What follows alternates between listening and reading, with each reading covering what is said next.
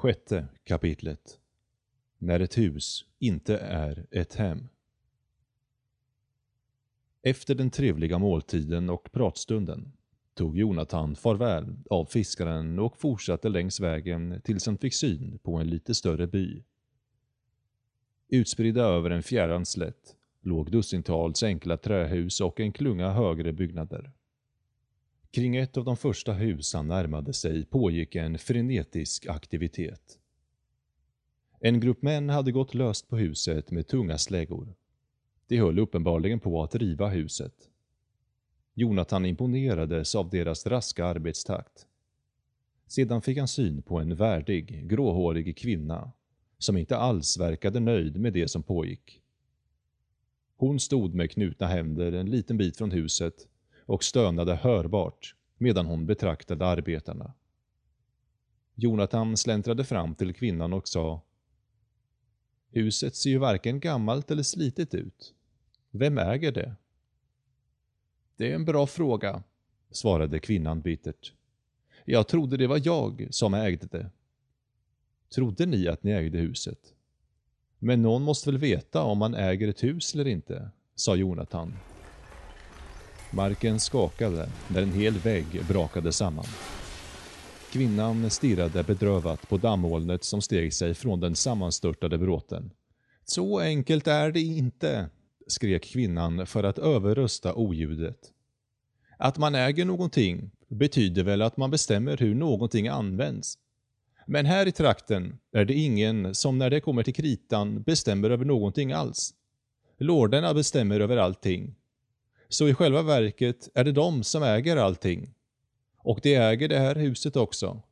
Trots att det var jag som byggde det och betalade för varenda planka och varenda spik. Med växande ilska gick hon bort och slet ner ett papper från en stolpe som ensam lämnats kvar upprätt framför huset. Ser du den här proklamationen? Hon skrynklade ihop pappret, slängde det på marken och stampade på det. Myndigheterna bestämmer vad jag får bygga, hur jag får bygga, när jag får bygga och hur jag får lov att använda det jag byggt. Nu säger de åt mig att jag måste riva huset. Låter det som jag ägde min egendom? Nja, försökte Jonathan fåraktigt.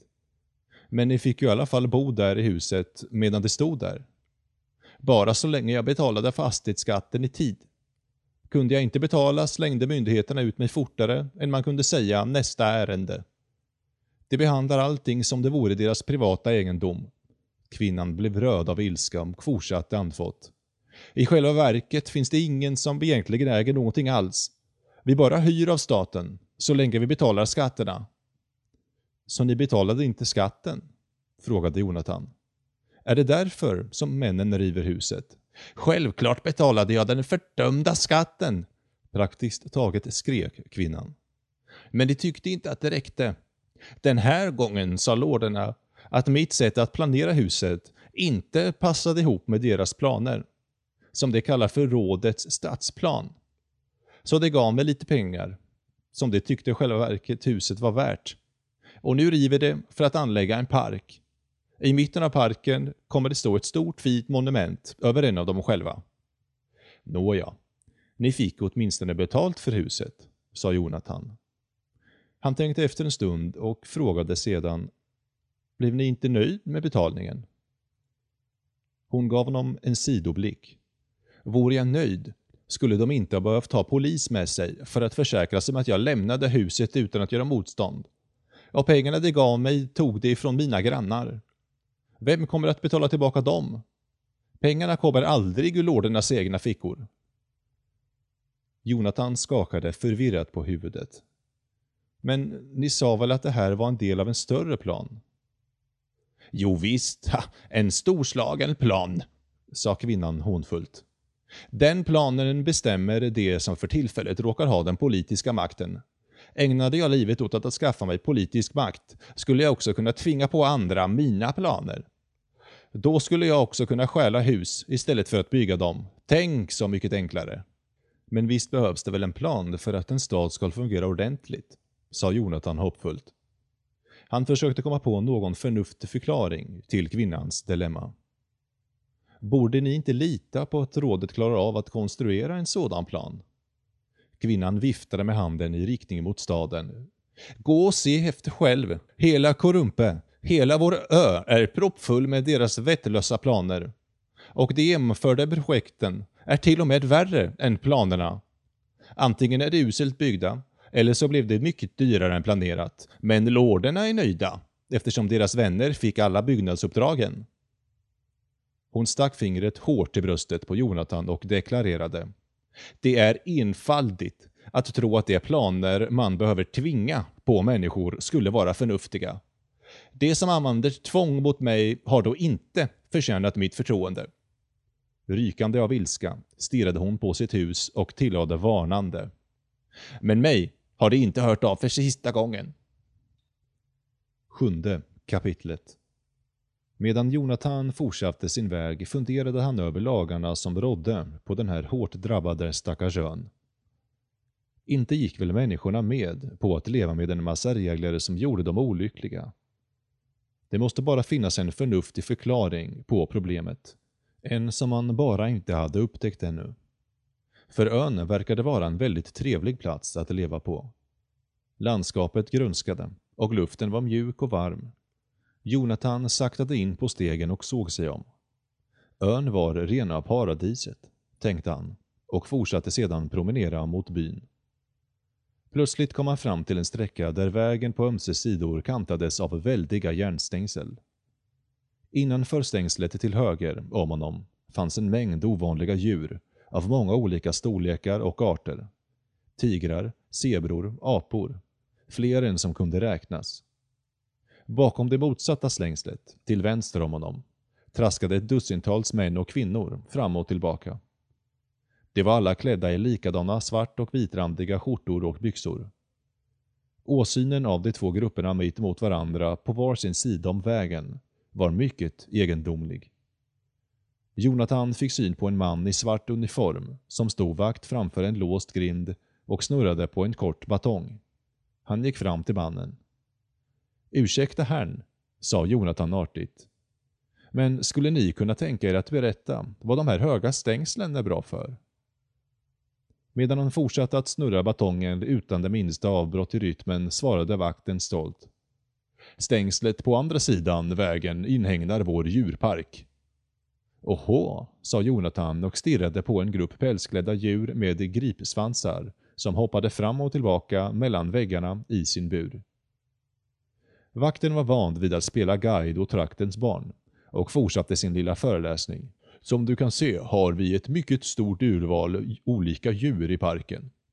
Där borta, sa han och pekade tvärs över vägen, håller vi djur som kommer från hela världen.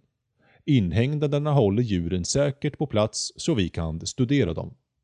Främmande djur kan ju inte få lov att röra sig fritt och störa samhället med sitt obehärskade beteende. Tänka sig, utbrast Jonathan. Det måste ha kostat dig en förmögenhet att fånga alla de här djuren, forsla hit dem från över hela jordklotet och sedan mata och sköta om dem. Vakten log åt Jonathan och skakade lätt på huvudet. Men snälla du, jag betalar väl inte själv för djurparken? Alla som bor här i staden betalar en djurparksskatt. Alla, upprepade Jonathan och rotade skuldmedvetet i sina tomma fickor. Ja, det finns ju en och annan som försöker smita undan sitt ansvar. Somliga motsträviga invånare hävdar att de inte är intresserade av att betala för en djurpark. Andra vägrar därför att de tycker att djur ska studeras i sina naturliga miljöer. Vakten vände sig om mot stängslet han stod framför och knackade med batongen på de tunga grindarna av järn. Men när sådana invånare vägrar betala djurparksskatten så tar vi dem ur sina naturliga miljöer och placerar dem här, i tryggt förvar bakom galler.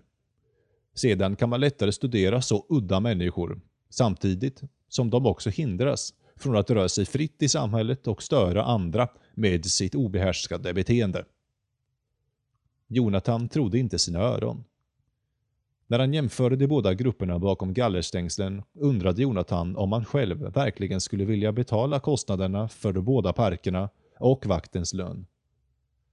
Hans grepp om järnvägsstängerna hårdnade då han forskande såg på de svartvitrandiga fångarnas stolta ansikten. Sedan vände han sig om och studerade den återigen batongsnurrande vaktens arroganta min. Efter att på nytt ha anträtt sin vandring vände sig Jonathan om och tittade på järnstängslen. Han funderade vilka det egentligen var som orsakade störst skada. Människorna innanför eller människorna utanför stängslet. Åttonde kapitlet Toppskatt Jonathan fortsatte sin promenad och upptäckte strax en distingerad, välklädd man som med stor möda försökte ta sig fram gående på knäna. Men mannen såg inte ut att vara handikappad. Han såg bara kort ut. Jonathan erbjöd en hjälpande hand, men mannen föste bort honom. Nej tack, sa mannen och grimaserade av smärta. Jag kan nog gå ordentligt. Det tar bara ett tag att vänja sig att gå på knäna. Är allt okej? Okay? Men varför ställer du dig ju inte upp och går med fötterna? Åh, klagade mannen och grinade illa. Det är bara en mindre anpassning till skattelagstiftningen. Skattelagstiftningen, upprepade Jonathan. Vad har skattelagstiftningen med att göra hur man går? Allt. Aj. Mannen lutade sig bakåt och satte sig på hälarna för att vila från sin mördande plåga. Ur skjortfickan tog han fram en näsduk och torkade pannan med. Han flyttade tyngden för att kunna massera ena knät, sedan det andra. På byxknäna hade flera lager av utslitna lappar sytts på. Skattelagen, sa han, har nyligen ändrats för att skapa jämlikhet mellan människor av olika längd. Skapa jämlikhet? frågade Jonathan. Var snäll och böj dig framåt så jag slipper skrika, bad mannen. Ja, det var bättre. Lordernas råd beslutade att långa människor hade allt för många fördelar. Fördelar för att det var för långa? Oh ja, långa personer föredras alltid vid anställning, befordran inom sport, underhållning, politik, ja till och med vid ingående av äktenskap. Ah, aj, aj. Han virade näsduken om det senaste av många revor i de gråa byxorna. Därför beslutade lorderna att beskatta oss med en häftig toppskatt. Långa personer beskattas. Jonathan såg sig om och kände hur hans kroppshållning började sjunka ihop. Vi beskattas i förhållande till vår längd. Var det någon som klagade? frågade Jonathan. Bara det som vägrade gå på knäna, sa mannen. Självklart gjordes undantag för politiker. Vi röstar ju på samhällets toppskikt. Vi föredrar att se upp till våra ledare. Jonathan kände sig alldeles förbluffad. Vid det här laget började Jonathan sjunka ihop och han försökte medvetet göra sig så liten som möjligt. Han pekade med båda händerna på mannens knän och frågade misstroget Du går alltså på knäna för att få lägre skatt? Ja, visst, svarade mannen med smärta i rösten. Hela våra liv är ordnade för att passa skattelagstiftningen. Det finns de som till och med har börjat krypa. Oj, det måste verkligen göra ont, utbrast Jonathan. Jo, men det gör mer ont om du inte gör det. Au! Endast dårar går upprätt och betalar de högre skatterna. Så om du vill vara smart, gå ner på knäna. Det kostar att stå rak i ryggen. Jonathan såg sig omkring. En handfull människor gick på sina knän och en kvinna på andra sidan gatan kröp sakta fram. Många gick med krökt rygg och nedsänkta axlar. Endast några få ignorerade sanktionerna helt och gick upprätt. Då såg Jonathan tre män som satt på en parkbänk. De där tre männen, undrade Jonathan. Varför håller de för sina ögon, öron och munnar? Och det där, det övar, svarade mannen samtidigt som han lutade sig framåt för att fortsätta sin färd. De förbereder sig för den kommande skattelagstiftningen. Nionde kapitlet Göra pengar Jonathan fortsatte längs vägen och kom efter en stund fram till en stor stenmur med ett par kraftiga, vidöppna träportar. Genom porten och under valvet i muren passerade människor till häst. Människor som bar på lådor och bylten och människor med alla slags vagnar och kärror på väg in mot stadens mitt. Jonathan sträckte på axlarna borstade av sin slitna skjorta och slog följe med strömmen in genom porten. Strax innanför porten hörde Jonathan det höga, mullrande ljudet från en slags maskin. Det snabba knattrande ljudet kom från andra våningen i en stor röd tegelbyggnad och det lät som det åstadkoms av en tryckpress. Kanske är det stadens tidning, tänkte Jonathan.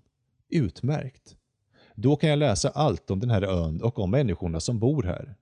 Och kanske kan det hjälpa mig med att räkna ut hur jag ska komma hem igen.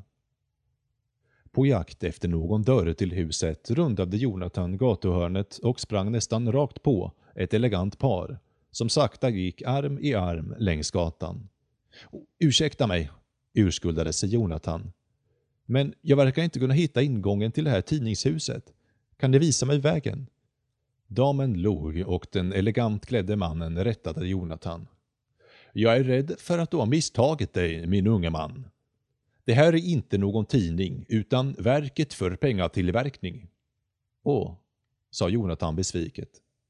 Jag som hoppades hitta något betydelsefullt tryckeri. Varför så nedstämd? sa mannen. Gaska upp dig. Det här verket är viktigare och en källa till långt större lycka än något tidningstryckeri, eller hur kära du? Mannen klappade damens handskbekladda hand. Jo, så är det verkligen, sa kvinnan och fnittrade. Här trycker de massvis med pengar för att göra människor lyckliga. Kanske var det här han skulle finna lösningen på problemet med hur han skulle kunna lämna ön, tänkte Jonathan. Kanske skulle han med hjälp av alla pengarna kunna köpa sig en plats på någon båt. Det låter ju som en fantastisk idé, sa Jonathan glatt. Jag skulle också vilja bli lycklig. Om jag kunde trycka lite pengar skulle jag... Nej, nej, sa mannen ogillande. Han skakade ett varnande finger framför näsan på Jonathan. Det går absolut inte för sig, eller hur kära du? Självklart inte, tillade kvinnan. Sedeltryckare som inte är utsedda av lordernas råd kallas för falskmyntare och hamnar bakom lås och bom. Några sådana skurkar tolererar vi verkligen inte i den här staden. Mannen nickade kraftfullt.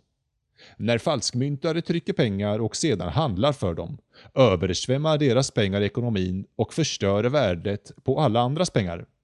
Och de stackare som har fast inkomst, sparpengar eller pension skulle snart upptäcka att deras pengar var värdelösa. Jonathan rynkade pannan. Var det något han hade missförstått?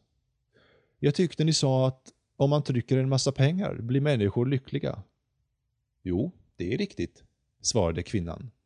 Under förutsättning att det är lagliga sedlar som trycks, fyllde mannen i innan kvinnan hunnit tala färdigt. Jonathan log åt att paret kände varandra så väl att de avslutade varandras meningar.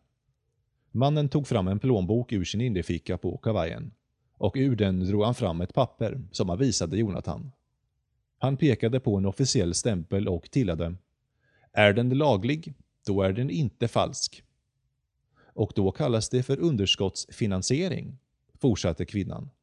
Som om hon rabblade en skolläxa hon lärt sig utan till och underskottsfinansiering ingår som en del av en invecklad och sofistikerad ekonomisk plan. Mannen stoppade tillbaka plånboken i fickan och inflikade. Är det lagligt? Är det som trycker pengarna inte tjuvar? Nej, absolut inte, sa kvinnan. Faktum är att de som gör av med pengarna är medlemmar av Lordernas råd. Just det, sa mannen. Och de är mycket generösa. De lägger pengarna på olika reformer som gynnar de lojala personer som är vänliga nog att rösta på dem. På samma gång tittade de båda två raskt på Jonathan och frågade i kör. Skulle inte du rösta på dem? Jonathan tänkte efter en stund. Paret väntade tyst på att han skulle svara. En sista fråga bara, om det går för sig, svarade Jonathan. Vad händer med allas löner, besparingar och pensioner? Ni sa förut att det skulle bli värdelösa om någon skulle tillverka mer pengar. Händer inte samma sak när det är lagliga pengar som trycks? Och gör det verkligen alla lyckliga? Paret tittade på varandra. Den eleganta mannen sa Naturligtvis är vi alltid lyckliga när lorderna har pengar att spendera på oss. Det finns så många viktiga reformer som kostar pengar. Arbetarnas behov, och tänk bara på de fattiga och på våra gamla. Kvinnan förklarade. Lorderna ägnar verkligen all sin kraft åt att försöka hitta orsakerna till alla problem vi har här på ön. Och de har kommit fram till att det största skälet till våra svårigheter är otur och dåligt väder. Ja, otur och dåligt väder leder tillsammans till stigande priser och sjunkande levnadsstandard. Och, mannen gjorde en konstpaus, glöm inte utbörlingarna. Särskilt utbörlingarna, sa kvinnan med upprörd röst. Hela vår ö är belägrad av fiender som försöker förstöra vår ekonomi genom att ta orimligt höga priser för varor som de säljer till oss. Förr eller senare kommer deras ruinerande fotogenpris att bli vår undergång. Eller deras låga priser, tillade mannen. De försöker hela tiden sälja mat och kläder till oss för ruinerande låga priser. Men tack och lov har lordernas råd inte lagt fingrarna emellan när de har tagit itu med den saken. Nej, tack och lov. Vi har verkligen tur som har ett klokt råd som reder ut vad saker och ting egentligen är värda, sa kvinnan belåtet. Så vände hon sig mot mannen, pekade på solen och sa åt honom att det var hög tid att fortsätta. Så sant, kära du. Du får ursäkta oss, unge man. Vi är på väg till ett viktigt möte med vår bankman nu på eftermiddagen. Det vore verkligen oförnuftigt av oss att inte göra gemensam sak med alla andra investerare som just nu köper land och ädelmetaller. Det är verkligen synd om alla fattiga stackare som inte gjorde som vi och satsade innan priserna verkligen började stiga ordentligt. Intressant, kära du. Den elegante mannen lyfte på hatten, damen bugade artigt och de båda önskade Jonathan en verkligt god dag. Tionde kapitlet Drömmaskinen Jonathan fortsatte runt kvarteret till nästa gata och funderade på hur han någonsin skulle kunna ta sig hem. Kanske fanns det någon hamn där han kunde mönstra på ett fartyg. Han var en sund, ärlig grabb och fullt beredd att utföra vilket arbete som helst.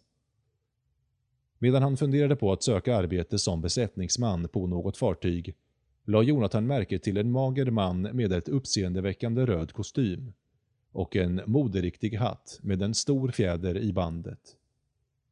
Mannen kämpade med att lasta en otymplig maskin på en stor hästdragen kärra. När mannen fick syn på Jonathan ropade han Hallå där! Du får fem moins om du hjälper mig lasta. Moins, upprepade Jonathan nyfiket. Pengar krabben. Pappersstålar! Tar du det eller inte? Visst, sa Jonathan utan att veta vad han annars skulle göra. Det var ju inget sjömansjobb. Men kanske skulle han kunna börja tjäna pengar till biljetten. För övrigt såg mannen intelligent ut och kunde möjligen komma med några goda råd. Efter en del hasande och slitande lyckades de få den tunga, oformliga maskinen upp på kärran.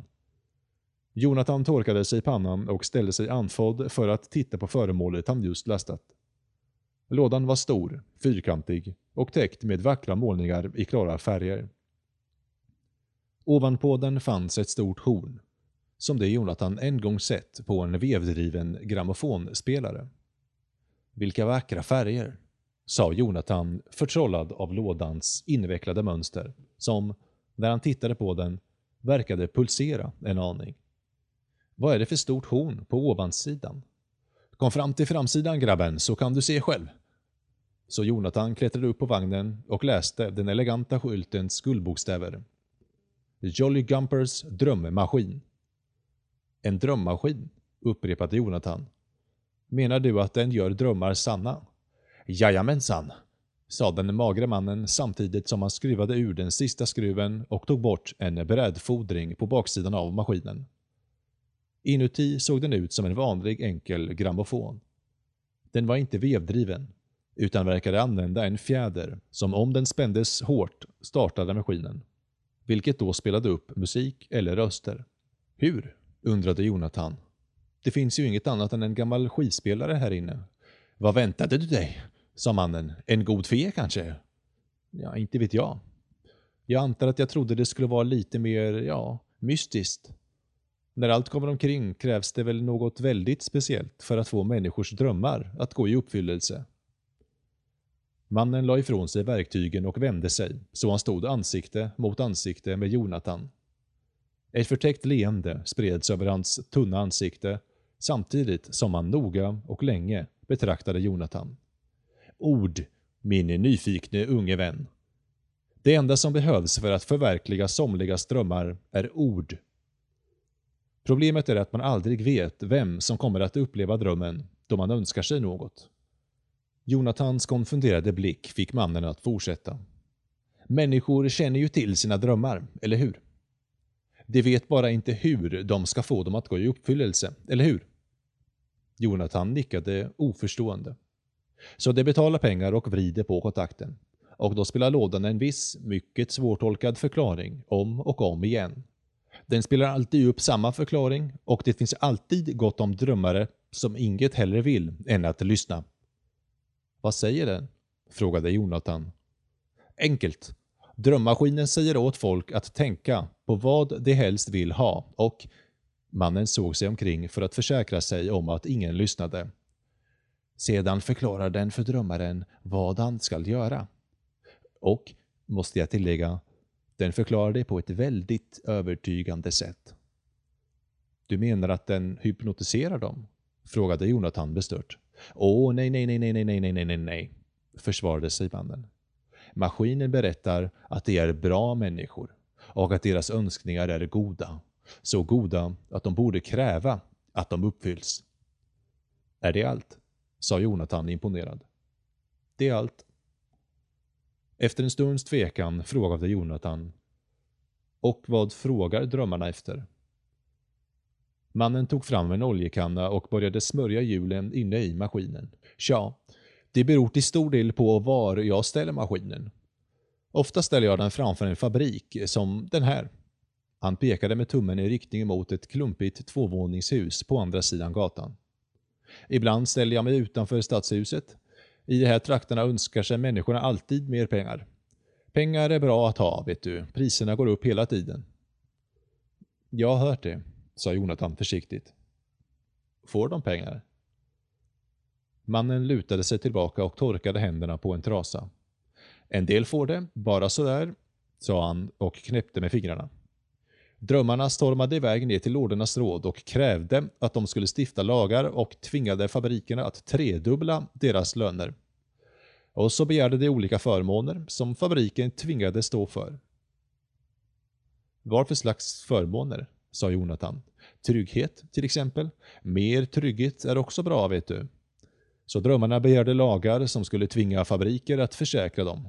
Försäkringar mot sjukdom, försäkringar mot arbetslöshet, till och med försäkringar mot döden. Det låter ju fantastiskt, utropade Jonathan. De drömmarna måste ha blivit verkligt lyckliga. Han vände sig om för att titta på fabriken och la märke till att det inte var mycket som pågick på andra sidan gatan.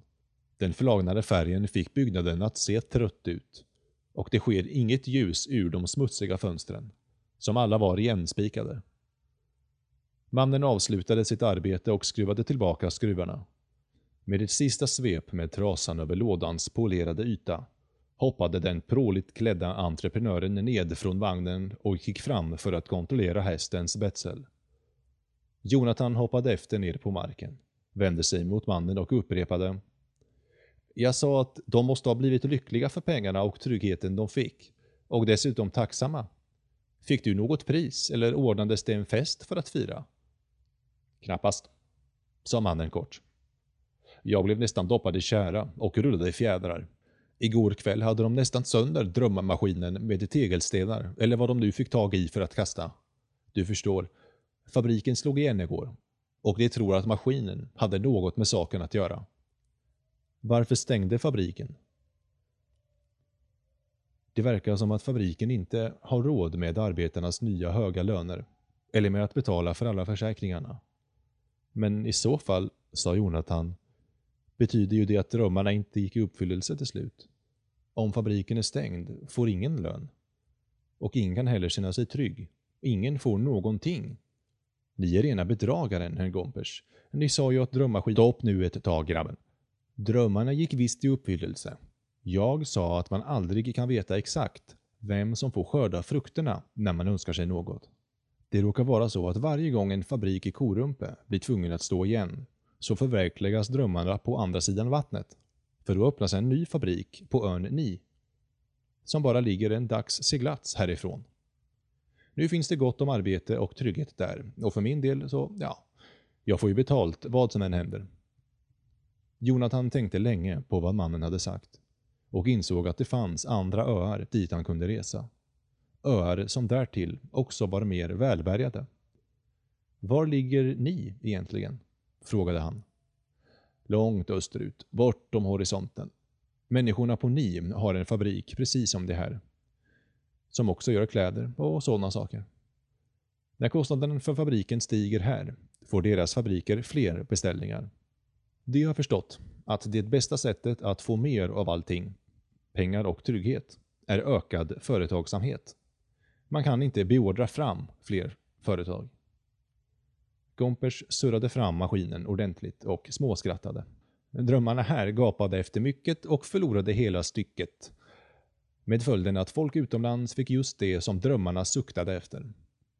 Han betalade Jonathan för hjälpen och klev sedan upp på förarsätet och tog tag i tyglarna.